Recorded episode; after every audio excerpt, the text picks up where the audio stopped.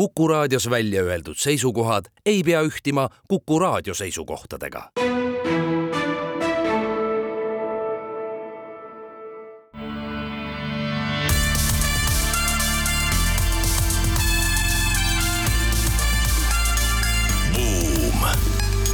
buumile annab hoogu SEB Pank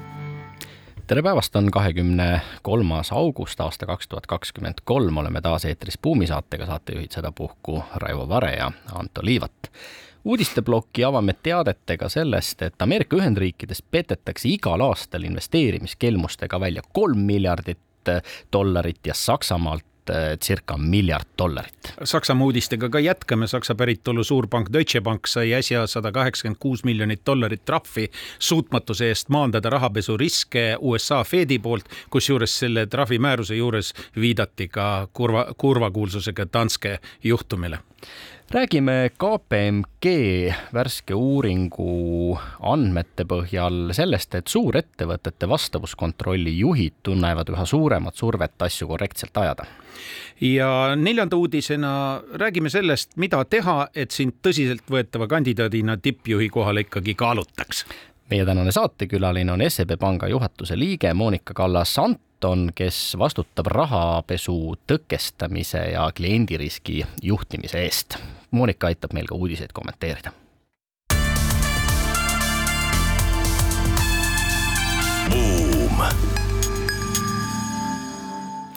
investeerimiskelmused on äh, seoses tehnoloogia arenguga üha kasvavam ja paljulubavam tööstusharu, kui võiks äh, niimoodi irooniaga pooleks äh, väljendada. Ameerika Ühendriikides petetakse igal aastal välja circa kolm miljardit äh, dollarit ja Saksamaalt siis miljard dollarit heausklikelt, ennekõike kesk- ja vanemaealistelt inimestelt, matkides siis tuntud finantsinstitutsioonidele iseloomulikke investeerimiskeskkondi võetakse inimesed äh, erinevate veebireklaamidega konksu otsa, siis hakatakse neile helistama ja mesijuttu ajama ning selle tulemusena inimesed äh, annavad petturitele sadu, teinekord tuhandeid või isegi kümneid tuhandeid äh, eurosid, aga noh, miljonilt inimeselt petad välja sada eurot igaühelt, sada miljonit nagu maast leitud, pole paha äri. ja tegu on rahvusvahelise kuritegevusega. tegu on suurte kuritegelike sündikaatidega, mis tegutsevad piiriüleselt Äh, väga paljudes äh, näiteks äh, arendturgudele suunatud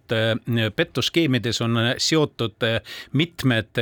meie saatusekaaslased, Kosovod, Rumeeniad ja muud taolised kohad, Bulgaariad, kus ehitatakse üles nõndanimetatud boiler room'id ehk siis boileritoad, kus on siis kõige suurem Kosovost leiti kuni nelisada töötajat oli selles, selles boiler room'is, kes siis kõik tegelesid rahvusvahelise pettuse korraldamisega, ilma et teinekord ise isegi sellest aru said, sest selles skeemis on üks trikk veel, seal ei ole päris nii, et äh, see, kes sulle helistab ja tutvustab skeemi, on seesama, kes sind edasi kättpidi talutab selles pettuskeemis. tavaliselt nii-öelda spetsialiseerutakse, üks on telefonimüüja, teine on tegelikult nõndanimetatud nõustaja, kes võtab viimast. ja töötab kõik vanal heal maffia põhimõttel mina ei tea, mida sina täpselt teed, mille eest sa vastutad, mina ei küsi, sina ei küsi minu käest kas need riigid Albaania, Bulgaaria, Serbia, Kosovo on ka teie nii-öelda punases nimekirjas, Monika? Jaa, teatud mõttes on küll, aga tegelikult äh, võib-olla ma olen natukene otsekohene ja ütlen, et see probleem võib olla meile märksa lähemal, sest et siin äh, mõned head kuud tagasi tegelikult oli meie meedias uudis, et äh, selline väiksem organiseeritud võrgustik ju võeti kinni ka Lätis, kui ma mälu mind ei peta. ja mis on nagu võib-olla kõige huvitavam või, või, või nagu keerulisem selle juures, et need on mobiilsed võrgustikud. see, et ta ühel päeval võib olla Rumeenias, ei tähenda, et ta teisel päeval kuskil mujal ennast üles ei pane, et sul on vaja ruumi, arvutit, juurdepääsu internetile ja inimesi. aga needsamad kõnekeskused näevad ju tegelikult piltide pealt, mida on ka rahvusvahelises majandusmeedias palju avaldatud, ääretult professionaalsed välja, nad ei eristu sisuliselt millegi poolest äh, suurte ettevõtete kõnekeskustest Milton Grupp, mitte nüüd segamini ajada ühe suhtekorraldusbürooga, on üks võib-olla tuntuvaid näiteid ja nende pealikud tulid välja ka Panama paberitest ja, ja, ja noh, on väga värvikalt kirjeldatud, kuidas ühte inimest on võimalik äh, lüpsta mitte ainult ühe korra, vaid olles temalt ka raha korra ära võtnud, on äh, üsna hea mõte helistada talle uuesti ja öelda, et kuule, kui sa nüüd annad krediitkaardi andmed, kannad meile veel natukene raha, siis me toome sinu kaotatud raha tagasi. kusjuures need kõnekeskused on tihtipeale täiesti legaalsed ettevõtmised, selles mõttes nad ei ole põrandaalused, nad on vastavas riigis inkorporeeritud juriidilise kehana nad maksavad kohalikke makse, tasuvad töötasusid täiesti korrektselt, selles mõttes ei ole nagu esmapilgul mitte mingit etteheidet, aga see äri olemus ise on puhas pettus rahvusvahelisel tasemel. linnakeskustes on suured reklaamid teinekord üleval, toetatakse ka täitsa tuntud äh, spordimeeskondi, kõik näibki üsna ilus kuni selle hetkeni, kui inimene tahab oma investeeringutelt teenitud äh, raha välja võtta, siis ühtäkki selgub, et seda raha lihtsalt põle. See psühholoogiline lõks on, on äärmiselt huvitav, tegelikult äh, ma eeldan, et seda juba kas uuritakse või on uuritud, ma võib-olla ise ei ole näinud neid uuringuid, aga kui me jälgime ohvri profiili, siis investeerimispettuse ohver ei ole vanemaealine proua enam. investeerimispettuse ohver on kolmekümne ühe kuni viiekümne pluss aastane inimene ja tegelikult seal on rohkem mehi, seal ei ole rohkem naisi. Asi on veel hullem, me, kuna me täna Deutsche Pangast veel räägime, siis eh, minu meelest rekordi on sellest materjalist, mis me siin aluseks võtsime välja tooduna eh, kaotajate hulgas Deutsche Panga harukontori mänedžer, kes kaotas pool miljonit eurot ja tegu oli mehega just nimelt sellest vanusekategooriast, professionaalse pankurina muuseas, vabandan. nojah, kui sa juba Deutsche Banki kallale läksid, siis värskelt said nad taaskord trahvi, sedapuhku sada kaheksakümmend kuus miljonit dollarit Ameerika Ühendriikide eh, Fedi käest ja, ja sedapuhku eh, süüdistatakse neid siis eh, saamatuses vaadata üle oma vastavuskontrolli toimemehhanismid ja protsessid ning tõesti, nagu sa, Raivo, sissejuhatavalt viitasid, märgitakse ära ka Eesti Danske Banki haru ja sellega seonduvad juhtumised no seejuures tuleb märkida, et, et süüks paneb Fed neile, jutt on Deutsche Pangast, siis paneb süüks seda, et nad on sõlminud Fediga tegelikult kaks kokkulepet, üks kaks tuhat seitseteist, teine kaks tuhat üheksateist ja Fed väidab nüüd, et nad ei ole järginud seda seal lubatut, mille tõttu neid ju tegelikult käsitleti kergemini, ütleme niimoodi mõni aeg tagasi, siis kui neid kokkuleppeid sõlmiti. ja see on meeldetuletus, jah, ütleb Fed, natukene asi paranenud, aga tegelikult kardinaalset murrangut veel ei ole toimunud ja see on ju pankade kätes. Monika, te peate ju kogu aeg nii-öelda kohanema selliste muutuvate regulatsioonidega. Pole mingi saladus, et kümme aastat tagasi olid täiesti teistsugused reeglid, nüüd on teistsugused. Te peate kogu aeg kohanema, kogu aeg keerama nii-öelda seda vinti peale ja kogu aeg täiustama oma praktikaid ja võimalusel kasutama ka tehnoloogiaid, sest noh, seda infomassiivi, ükskõik kui palju teil inimesi tööl on, ei jõua ju ära töödelda, kas pole nii? tegelikult nii ongi ja, ja kui lugeda seda uudist äh, jah, siin on kahju sellest, et neile just nagu on antud võimalus seda laeva keerata, aga selliste suurte organisatsioonide keeramine on kindlasti keerulisem ja aeglasem. võib-olla, mis Eesti ja meie pankade kasuks räägib see, et, et ma võib-olla kiidan natuke, et meil on tegelikult äh, FI finantsinspektsioon aktiivne ja, ja see surve, et olla innovaatilisem ja, ja sul on absoluutselt õigus sellist tehingute mahtu, mis on tänapäeval, ei halda enam inimestega, see on masinatöö, see on tehisintellekti töö juba ühel hetkel no.. nii et te olete ühed esimesed tehisintellekti kasutajad, tuleb välja? no meil on paar robotit, keda me kutsume robotiks, aga ma arvan, et äh, me oleme õigel teel ja, ja me teeme väga palju tööd. sa väljend näitasid justkui äh, mõnetist äh, üllatust, et Deutsche Bank ei ole hakkama saanud endale võetud äh, ülesannete täitmisega, samal ajal on selle Deutsche Banki eesotsas täna Christian Sewing, mees, kes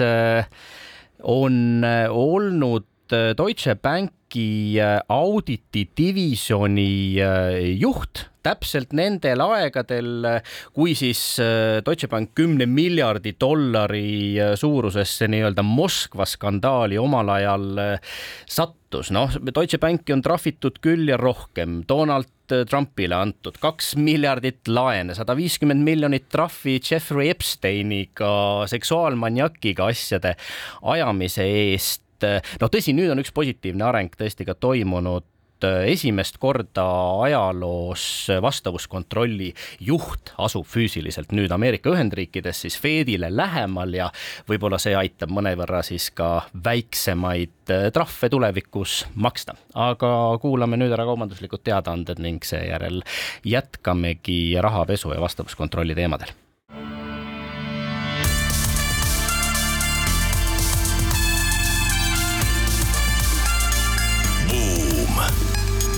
buumile annab hoogu SEB Pank. Oleme tagasi Buumi eetris, saatejuhid Raivo Vare ja Anto Liivat ning meie tänane külaline on SEB Panga juhatuse liige Monika Kallas-Anton, kes äh, vastutab rahapesu tõkestamise eest ähm, ettevõtete vastavuskontrolli juhid tunnevad üha suuremat survet asju korrektselt ajada, sellest on meile teada andnud oma värske uuringu varal KPMG, kes küsis kahesaja neljakümnelt vastava valdkonna juhilt Fortune viissada ettevõtetest, mida nad arvavad eh, erinevatest arengutest vastavuskontrolli võtmes ja kõige rohkem muidugi tuuakse välja vajadust kohaneda pidevalt muutuvate regulatsioonidega. Pole ju saladus, et ka Eesti panganduses kakskümmend aastat tagasi aeti asju hoopis eh, teistmoodi ja, ja noh, need asjad, mis eh, tollal olid lubatud, on, on, on, on nüüd keelet-, keelatud, olen ma õigesti aru saanud? on küll nii, jaa lihtsalt neid, mis tol ajal olid lubatud, me kontrollime tänaste reeglite järgi, kui need oleksid väga keelatud. aga meil on samamoodi tegelikult, et ma ütleks võib-olla täpsustuseks seda, et äh, et me ei tunne kasvavat survet, meil on kogu aeg surve, ehk et see meie äh, küsimus on kogu aeg, kuidas balansseerida neid arendusi, mida meil on vaja nõuete täitmiseks versus neid arendusi, mis oleks lihtsalt väga ägedad uued tooted ja teenused oma klientidele. Ja see on see pidev äh, tasakaalu otsimine ehk et see, kui mis on nõutud, on alati prioriteet. No selle uuringu järgi seitsekümmend kolm protsenti äh, äh, CCO-dest ehk siis chief compliance officer idest äh, on märkinud, et just nimelt kasvavad ootused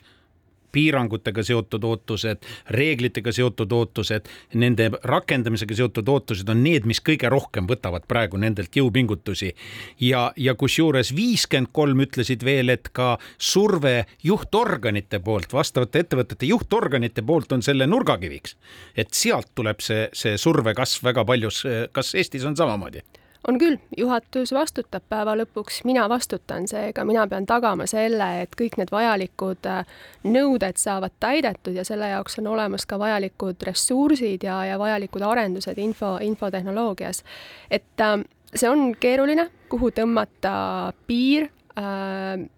tänapäeva andmemassiivid on nii suured ja ei ole võimalik seda töödelda ainult inimestega, et ma mõnevõrra võib-olla kordan ennast juba, aga ma arvan, viie aasta pärast need meeletult kasvanud vastavuskontrolli üksused tegelikult peavad hakkama kahanema ja nad peavad asenduma sellega, et, et tehisintellekti abil. Äh, me suudame toimetada. no teil, teie, teil on nii-öelda selle valdkonnaga tegelevaid inimesi mitukümmend, seitsekümmend või rohkem, eks ole, see on ju päris märkimisväärne hulk inimesi Office'is, aga tegelikult tehnoloogia on ilmselt astumas asemele ka nende siin viidatud uuringu subjektide poolt, nimelt nad väidavad viiskümmend, üle poole, viiskümmend kolm protsenti nendest ohvitseridest ütlesid, et tegelikult nad näevad just nimelt eelkõige täiustuvat tehnoloogiat astumas asemele ja, ja data analüüsi, mis peaks nüüd kergendama tegema nii-öelda seda kohanemist nende muutuvate ja karmistuvate reeglitega ja natukene olema ka efektiivsem ja, ja kokkuhoidlikum ka organisatsiooni seisukohast, sest noh, teoreetiliselt on võimalik ju sada protsenti organisatsioonist panna selle nimel tööle, aga mis siis põhiärist saab? siis oleks selle organisatsioonil ilmselt teine nimi kui pank, kui me ainult sellega tegeleksime, aga ja tulevik on andmeanalüüsis, äh, tulevik on äh, suurtes keerulistes sellistes, kuidas ma ütlen, network äh, analüüsides, tulevik on selles, kuidas me suudame neid olemasolevaid kliendi andmeid rikastada, et aru saada tegelikult, millega me tegeleme. et AML või rahapesu tõkestamine ei ole lihtsalt võib-olla tavainimesele kuivalt tüütu tunne oma klienti lehe andmete täitmine, et see on väike osa, sealt edasi alles tegelikult hakkab see maailm pihta. aga lisaks rahapesule KPMG uuringus äh, juhid räägivad äh, ka ESG äh, vastavuskontrollist et mis on mõneti uus funktsioon ähm, teie haldusalas, äh, ehk siis see, kuivõrd vastutustundlikult me toimetame ja nüüd iga teine vastavuskontrolli juht äh, ütleb KPMG uuringus, et ega meil äh, ESG vastavusplaani tegelikult ei ole, ehk me ei, me ei suuda hinnata, kuivõrd vastutustundlikult me toimetame. ESG on uus AML tegelikult. Et, et see on see, mis nüüd äh, kindlasti äh, rahapesu ja sanktsioonide äh, süsteemide kõrval järgmised mitu aastat sunnib arendusi ja sunnib just ettevõtteid, kes peavad Euroopa Liidu kaudu tulevaid nõudeid ja raamistikke täitma, ennast edasi arendama. Liigume siit ähm, edasi, meile jäi silma ka üks McKinsey kevadine pikem, üsna hästi struktureeritud ähm, uuring, analüüs selle kohta, kuidas ikkagi mõelda ja mida teha selleks, et inimest äh, suure ettevõtte tippjuhi kohale kaalutaks äh, noh, ka sinust, Monika, on kirjutatud kui äh, väga ambitsioonikast noorest tippjuhist. kuivõrd sina oled mõelnud selle peale, et ühel hetkel võiks olla ka number äh, üks ja, ja noh, viitan siin provokatiivselt tagasi siis ka Stanfordi ülikooli professorile Nicolas Bloomile, kes ütleb, et äh, just see number ühe töö suures ettevõttes on üks täiesti kohutav töö, ta ei soovitaks seda mitte kellelegi. see on sada tundi nädalas toimetamist, mis imeb su elu endasse, mis võtab sult kõik nädalavahetuselt ja lisaks sellele on ka päris stressirohke. ja kusjuures veel ka viidatakse uuringu juures kommentaaris seda, et tegelikult eh, nii-öelda privaatselt ütlevad väga paljud number ühed eh, tippjuhid, et kõige parem oleks olla mitte number üks, vaid number kaks, sellepärast et kõik see, mis on ebameeldiv, see läheb ühekaela ja siis sa saad tegelikult asju mõjutada selle selja taga, laia selja tagant palju paremini ja palju väiksema vaevaga ja kaotustega, olles number kaks. ja tasu ei ole ka kuigi palju väiksem. ja olulist vahet ei ole, jah. Loomulikult ma mõtlen ja, ja loomulikult äh, on ambitsioonid, aga tegelikult minu jaoks olulisem ja mida võib-olla selles uuringus artiklis ka mainiti, on, on teekond ja see, et äh, minu võimalus muuta ja teha muutusi. Ja, ja mina oma karjääris vähemalt ei ole teinud mitte ühtegi sammu sellepärast, et mul on rohkem paguneid või, või rohkem vahendeid ja mingitel hetkedel tegelikult ma olen teinud ka teadlikult kõrvalesamme. Lihtsalt sellepärast, et saada uus kogemus, äh, töötada väga keerulise projektiga, töötada väga keeruliste inimestega et see on tegelikult see, mis võib-olla rohkem minu ambitsiooni viib. no tegelikult selle, selle uuringu nii-öelda kokkuvõtte kõige huvitavam idee minu jaoks, arvestades ka elukogemust, oli see võrdlus, mis on seal toodud, et see on väga sarnane Jomolungma-otsa ronimisega.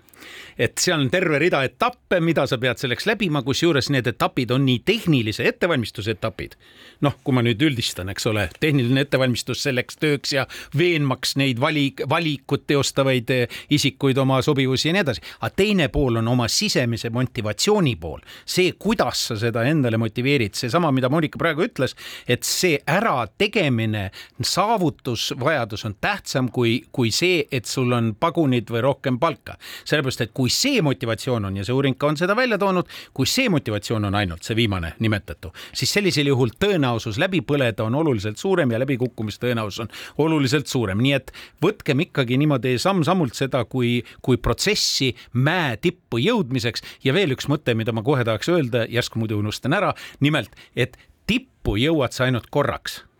suur osa teekonnast on tee tippu ja sealt tagasi, muuseas alpinistid ütlevad, et tagasi on teinekord veel keerulisem. nii et see on tegelikult üks suur väljakutse. kui üldistada, siis ähm, Jomolungma tippu jõudmiseks ähm, piltlikult väljendudes on äh, neli äh, põhieeldust. mingisugused kogemused ja tulemused, mis võimaldavad uskuda inimese võimesse asju ära teha. teiseks ähm, erialased valdkondlikud või vähemalt eeldatavad teadmised, oskused. kolmandaks muidugi eestvedamise võimekus, muutuste juhtimise võimekus ja nüüd neljandaks ikkagi suhted ja maine tihtipeale unustatakse ära, et juhi, tippjuhi suhtevõrgustik, keda ta tunneb, keda ta teab ja mida temast linna peal räägitakse, on ääretult olulised. ja teine pool asjast oli veel üks huvitav detail, meil väikses Eestis eriti oluline muuseas, olles ise mitu korda sellist selektsiooniprotsessi osaline erinevates kvaliteetides, siis see, et sa noh, pead nagu olema kursis selle selektsiooniprotsessi endaga aga sa ei tohi sellesse primitiivselt sekkuda. no näiteks seal on üks selline soovitus, et kui eelmine CO sind kiidab, siis ära usu seda, sellepärast et see ei pruugi sulle plussiks tulla, kui sind tema asemele valitakse või näiteks, et sa ei tohi jätta vali, valijatele sellist muljet, et, et sa oled neist mingil kujul noh, ütleme niimoodi ühel või teisel arvamusel, ütleme niimoodi pehmelt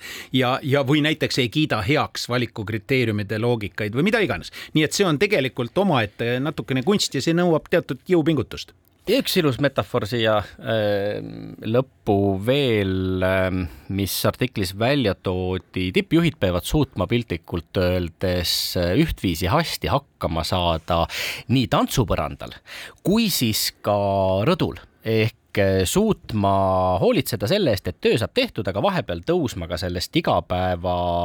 toimetamisest kõrgemale ja nägema siis rõdult äh, suurt plaani ja, ja märkama seda, mis on oluline see on tegelikult kõige olulisem, et kaks mõtet, üks on see, et ma arvan, võib-olla Eestis ja võib-olla ka Baltikumis see suhtevõrgustike ja stakeholder management on inglise keeles minu arvates hea väljend selle kohta. Ähm, selle oskuse arendamine peaks olema märksa tugevam ja teiseks see, et mis hetkel sa muutud mängivast juhist siis nii-öelda selle mängu juhiks,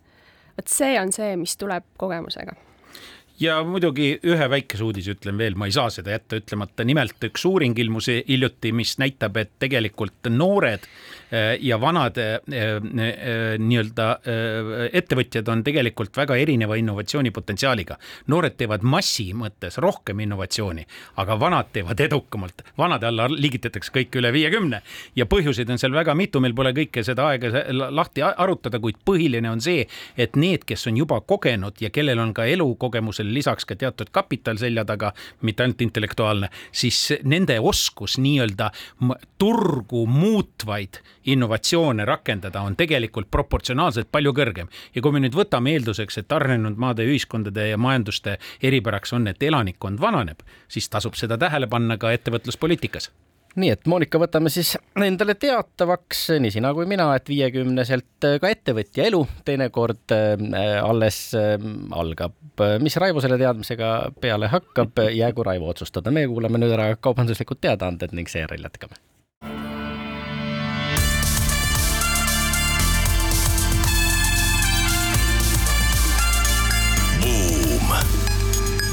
buumile annab hoogu SEB Pank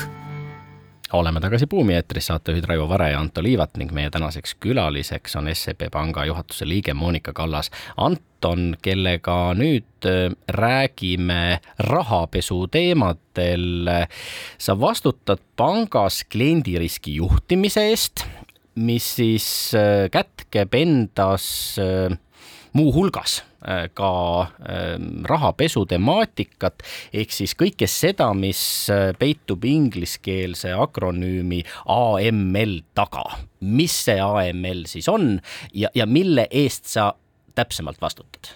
ja ma püüan seda nüüd kuidagi lihtsalt ja arusaadavalt välja tuua, et mis on see kliendirisk, et pangal ongi võib-olla kaks olulisemat riski, üks on krediidirisk, et vahendid, mis pangale on antud, teenivad ja pank nendega ei tekita juurde kahjumeid, ja teine on see klient. ja seda klienti, mille eest ma vastutan, ongi see, et pangas on olemas äh, organisatsioonid, süsteemid, protsessid, inimesed, mis tagavad selle, et äh, panga kliendid on arusaadavad, klientide varad ja vahendid, mida läbi panka liigutatakse, on arusaadavad, vastavad äh, kliendi profiilile ja läbi panga ja pangaprotsesside ei ole võimalik toimetada rahaga, mis ei ole võib-olla nii läbipaistev. aga see ongi see AML või? see ongi see kurikuulus AML anti-money laundering, et äh, jah, ma vabandan, inglisekeelne, aga see on rahvusvaheliselt niivõrd kasutuses, et mul on tunne, et see on juba käibesõna. kuidas siis puhas rahapesu on see? puhas rahapesu. kuidas sinu ja sinu kolleegide töö tõhusust ja tulemuslikkust ikkagi siis mõõta ja hinnata? Ta ei saa kunagi sajaprotsendiliselt välistada, et mitte midagi ei juhtu, me teame, et on juhtunud ka Eestis toimetavates äh, pankades, äh, rääkimata sellest, et me võime neid rahapesu teemalisi uurimisi äh, avastada pea igapäevaselt maailma majandusmeediast erinevate finantsinstitutsioonide kohta, ehk siis kuidas ikkagi mõõta seda, et pank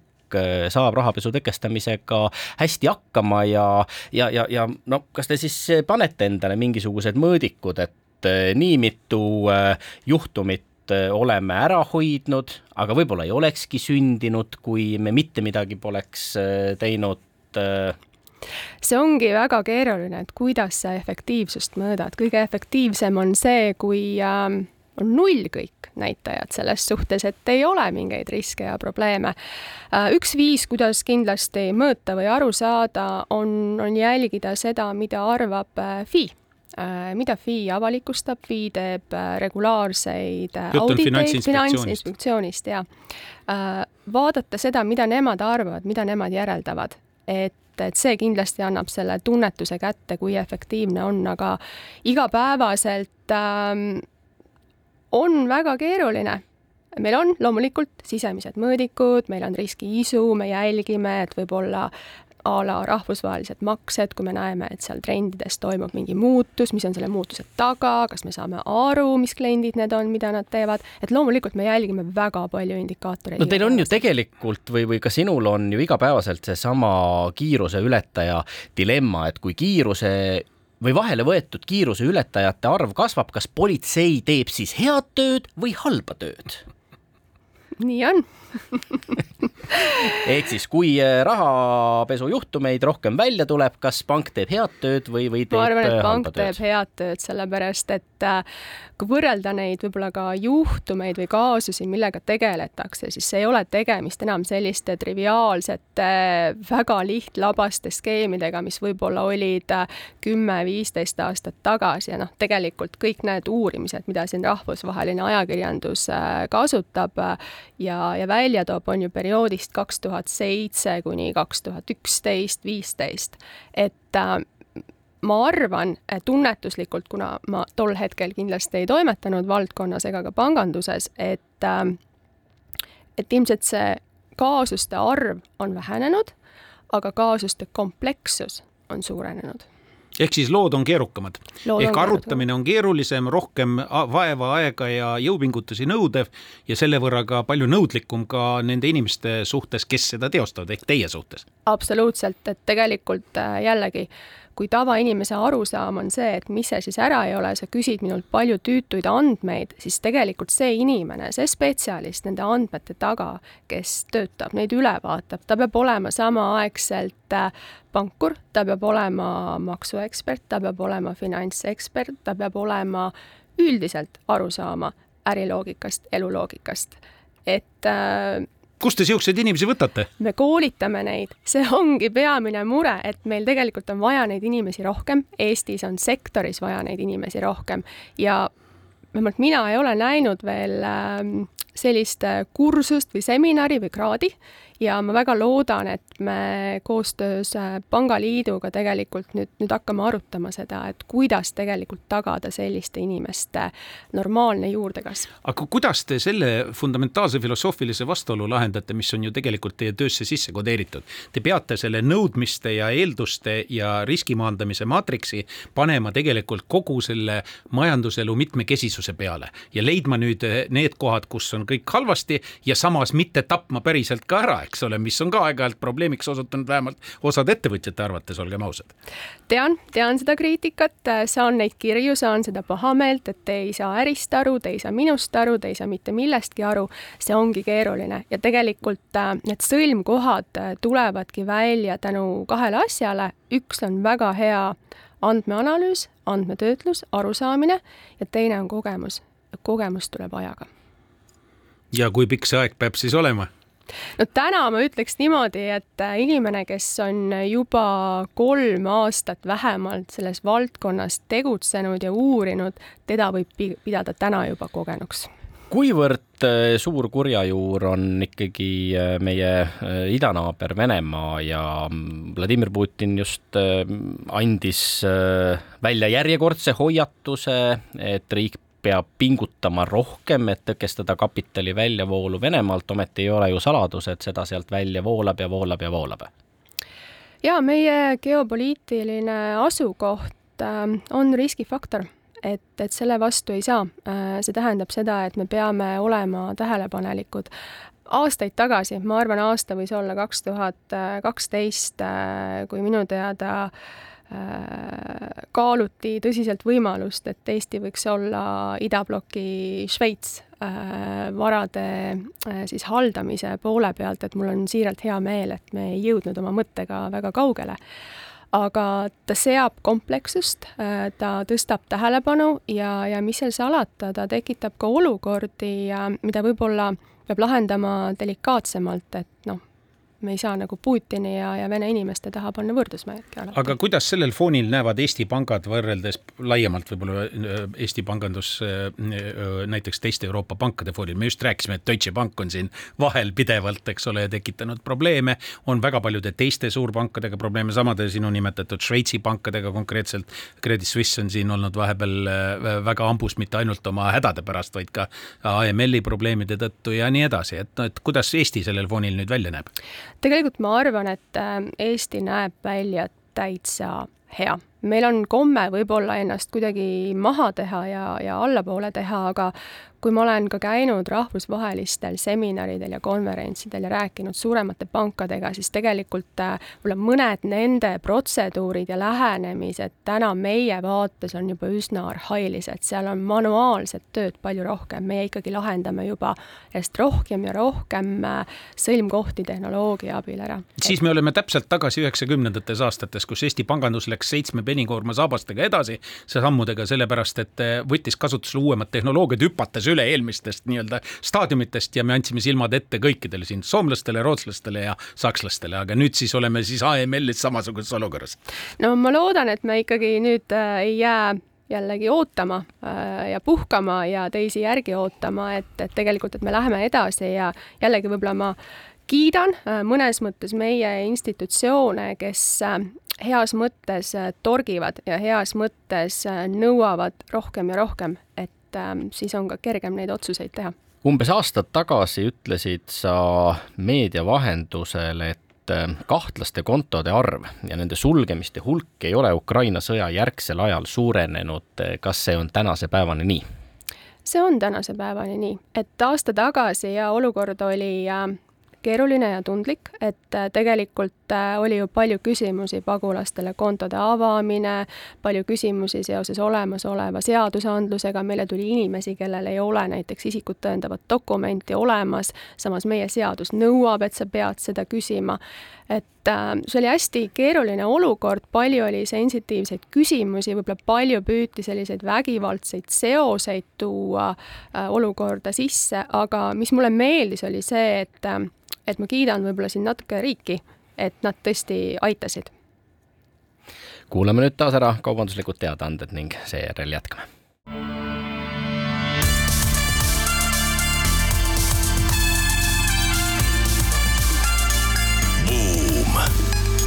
buumile annab hoogu SEB Pank oleme tagasi Buumi eetris, saatejuhid Raivo Vare ja Anto Liivat ning meie tänaseks külaliseks on SEB Panga juhatuse liige Monika Kallas-Anton, kellega räägime veel nüüd natukene rahapesu juttu, täpsemalt ähm, küsime sinu käest, mida ettevõtja, ettevõtte juht peaks endalt küsima, mida ta peaks teadma kõigi nende pidevalt muutuvate regulatsioonide ja nõudmiste kohta, mida ta peaks silmas pidama, kui ta oma ettevõttes protsesse ja, ja finantstehinguid analüüsib? Tegelikult ettevõtete jaoks kõige suurem küsimus või frustratsioon tekib siis, kui mõni tehing äh, kinni peetakse ja küsitakse, äh, mis seal taga on mis see kaup on, kus on see dokumendid, palun selgita. ja, ja tegelikult äh, seal ei olegi, see tundub triviaalne, aga ma ei näe tõesti põhjust, et äh, iga keskmine Eesti ettevõte peaks üleval pidama enda sees vastavuskontrolli spetsialisti, küll aga see kõlab naiivselt ja lihtsalt, et kui sul on olemas äh, dokumendid, kui sul on olemas arusaadav ärimudel, kui sa suudad seda oma finantspartnerile selgeks teha, siis tegelikult äh, muud suurt tarkust seal ei ole. et võib-olla keerulisem täna on äh, kaubandussanktsioonidega, kus ma tõesti arvan, et et see võib tekitada rohkem küsimusi, mis on lubatud, mis on keelatud, mis on hall ala, aga siinkohal tegelikult Rahapesu Andmebüroo on, on kõige täpsem allikas, kes, kes on teinud minu teada ka infoseminare ettevõtjatele päris hoolega. no näiteks Venemaale on kehtestatud ligi neliteist tuhat, üksikult võttes neliteist tuhat äh, sanktsioonipositsiooni. no olgem nüüd ausad, ükski tervemõistuslik inimene ei suuda seda kõike haarata, selge see, et seal võivad tekkida teadmatusest ka vead. mis te siis teete, kui vead tekivad, kuidas, kuidas, kuidas see käitumismall siis peaks olema? tegelikult äh, neid vigu tuleb ette võib-olla isegi rohkem, kui, kui te arvate et äh, kui on tõesti tegemist vea eksimusega, siis äh, sellele nüüd otsekohe küll pangapoolset sanktsiooni ja konto sulgemist ja häbiposti ei, ei järgne kindlasti. küll on probleem siis, kui täheldame süsteemset rikkumist siis on juba küsimus selles, et, et vestlus, arusaamine, millega tegelikult tegemist on, aga selliseid ühekordseid teadmatusest, oleme ausad, eelmisel aastal veebruarist kuni juunikuuni võeti vastu kuus sanktsioonipaketti. ma ei, ma oleks üllatunud, et peale Raabi üldse keegi suutis nendega hakkama saada ja aru saada.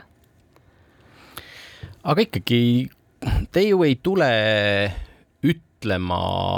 ettevõttele või inimesele, kes pakub äh, mingisugust teenust, no ütleme, see on koolitusteenus, konsultatsiooniteenus, mis raha eest äh, ja, ja kellele ta seda võib äh, osutada, ehk siis äh, te võite küll arutleda selle üle, kas inimlikult usutav on miljoni euro eest konsultatsiooniteenust pakkuda või ei ole, aga, aga noh, mõne inimese nõuanne ongi pisut enam väärt kui teise inimese oma.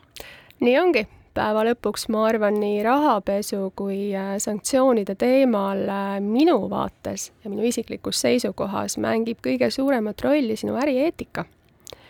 ehk et äh, kas sa tahad mängida selle piiri peal või, või mitte.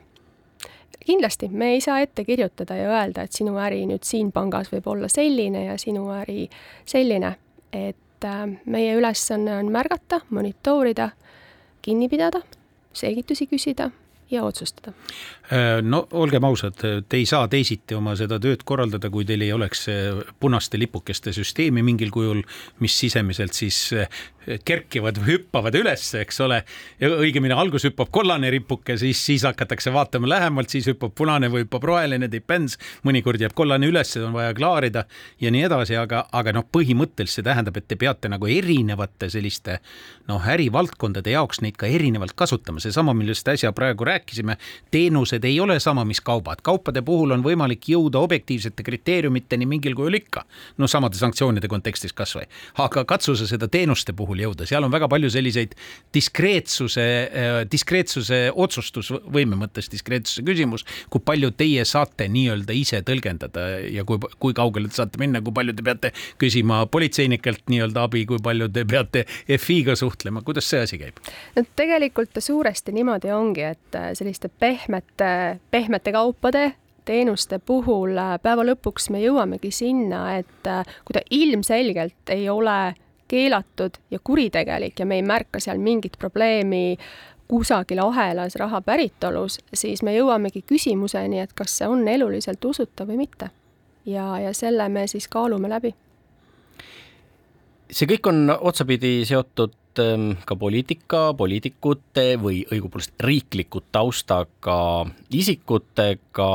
pangale peavad need inimesed ennast üles andma, aga kui me vaatame ka neid ähm, skandaale mm, või, või uurimisi, mis rahvusvahelisest majandusmeediast äh, läbi jooksevad, kas või seesama Miltoni lugu, siis äh, tihtipeale nad kipuvadki jõudma ikkagi ühel või teisel moel ka poliitika ja poliitikute Eh, nii, ehm, seda tüüpi lipukesed võivad olla üsna, üsna tundlikud või tundlik informatsioon, sealhulgas kui te kellegi ühel või teisel teemal eh, vestlusele kutsute. Kindlasti on tundlikud, äh, meil on ju seadusega ette nähtud, et äh, PEP-id, siis poliitiliselt äh, olulised positsioonid ja nende taga olevad isikud on kõrgema tähelepanu all nendega kaasneb keskmisest kõrgem äh, reputatsioonirisk, korruptsioonirisk, et äh, need on äärmiselt tundlikud äh, teemad, jah. Jah, ja kujutage nüüd ette, et ühe andmelekke tulemusena need andmekesed saavad avalikuks, kellel mis lipukene püsti parasjagu ripub no selleks peaks olema sisemised mehhanismid, mis seda tõenäoliselt välistavad, aga, aga noh, PEP on eraldi teema ja lõpuks kõik informatsioon nende kohta jookseb nagunii Washingtoni, aga minu küsimus on selline, et äh, ettevõtted, ettevõtjad, äh, ettevõtja, kes võib olla tegevjuht, aga võib-olla ka näiteks ei ole, tal on tegevjuht ja, ja ta on ainult omaniku poole esindaja. sellisel juhul on küsimus, mida nemad peavad tegema, mida, mis oleks kolm kõige tähtsamat soovitust ettevõtjale praegu, kes ei ole ise tegevjuht, sest tegevjuht vastutab naha ja karvadega, kui ta mingi, mingi asja korraldab, aga ta võib seda näiteks mingil põhjusel ka teha, aga mida peab omanik tegema, kes ju ootab samal ajal sellelt samalt tegevjuhilt ka tulemust, eks ole, mille nimel on vaja teinekord teha riskiotsuseid ja kus see riskipiir on ja mis, kuidas peaks suhtuma ettevõtja omanik äh, peaks endale paika panema piisava sellise ülevaate ja kontrolli mehhanismi oma ettevõttes selles suhtes, et ega lugemisoskuse puudus ei tähenda seda, et ma ei pea seadust tundma ja seadust äh, ja seaduse mittetundmine ei vabasta vastutusest. täpselt, et, et tegelikult tulenebki sellesse, et kui efektiivselt on üles seatud sinu kontrollimehhanism sinu juhatuse ja juhatuse tegevuse üle ja noh, jällegi ma jõuan sinna, et kui sa omanikuna tahad tegutseda hallil alal piiri peal, siis ähm, no reeglina sa leiad ka sobiva juhatuse endale, kes sellega nõus on. võib-olla mingitel juhtudel sa leiad juhatuse, kes tegelikult ei ole sellega nõus. ja, ja siis juba toimuvad teised protsessid. Eestis ei ole ülemäära palju naisterahvaid suurte ettevõtete juhtkondades, sina oled üks meeldivaid erandeid ja kui vaadata seda, mis sa kevadel kirjutasid, siis on, on see poistetüdrukute teema sulle kuidagi hästi südamelähedane ja sa otsesõnu heidad ette ettevõtetele seda, et neil ei ole selget ning mõõdetavat soolise võrdõiguslikkuse poliitikat. kas SEB-l on? jaa,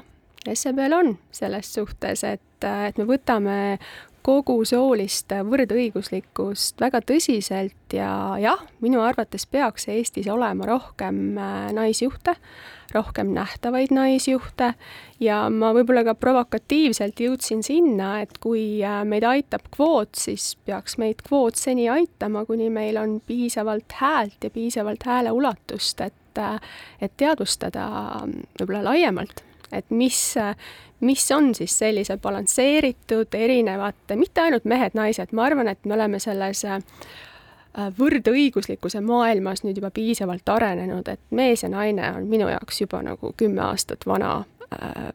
mitmekesisus, et tegelikult me ikkagi räägime palju suuremast mitmekesisusest tänapäeval, et et mis on tegelikult sellise mitmekesisuse positiivne mõju no aga ütleme, suuremates ettevõtted, organisatsioonides on see nagu arusaadav, seal peaks olema poliitika, seal peaks olema mingisugune mängureeglistik paigas ja mingil määral selle järgi saab ka käituda, sest võimalusi on rohkem. aga nüüd kujutame ette et, et üheksakümmend kaheksa protsenti Eesti ettevõtetest on mikroettevõtted,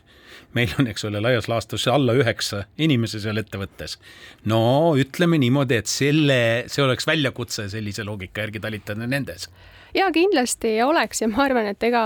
kõike ei peagi muutma, muutma lihtsalt sellepärast, et muuta, et kui toimib, siis toimib ettevõte ka sellisena, nagu ta on, võib-olla ta ongi väga homogeenne ettevõte.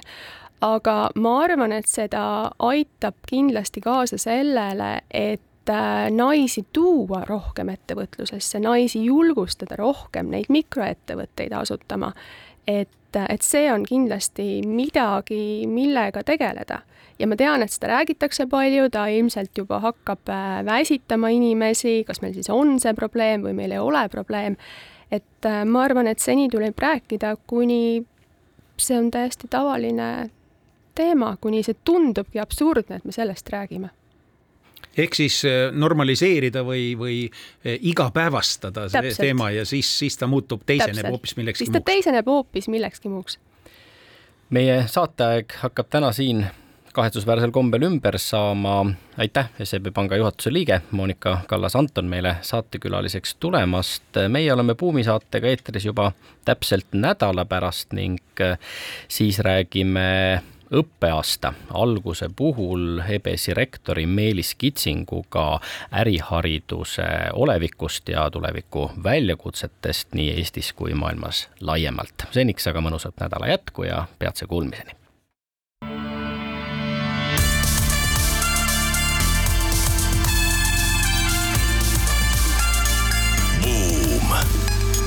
Buumile annab hoogu SEB Pank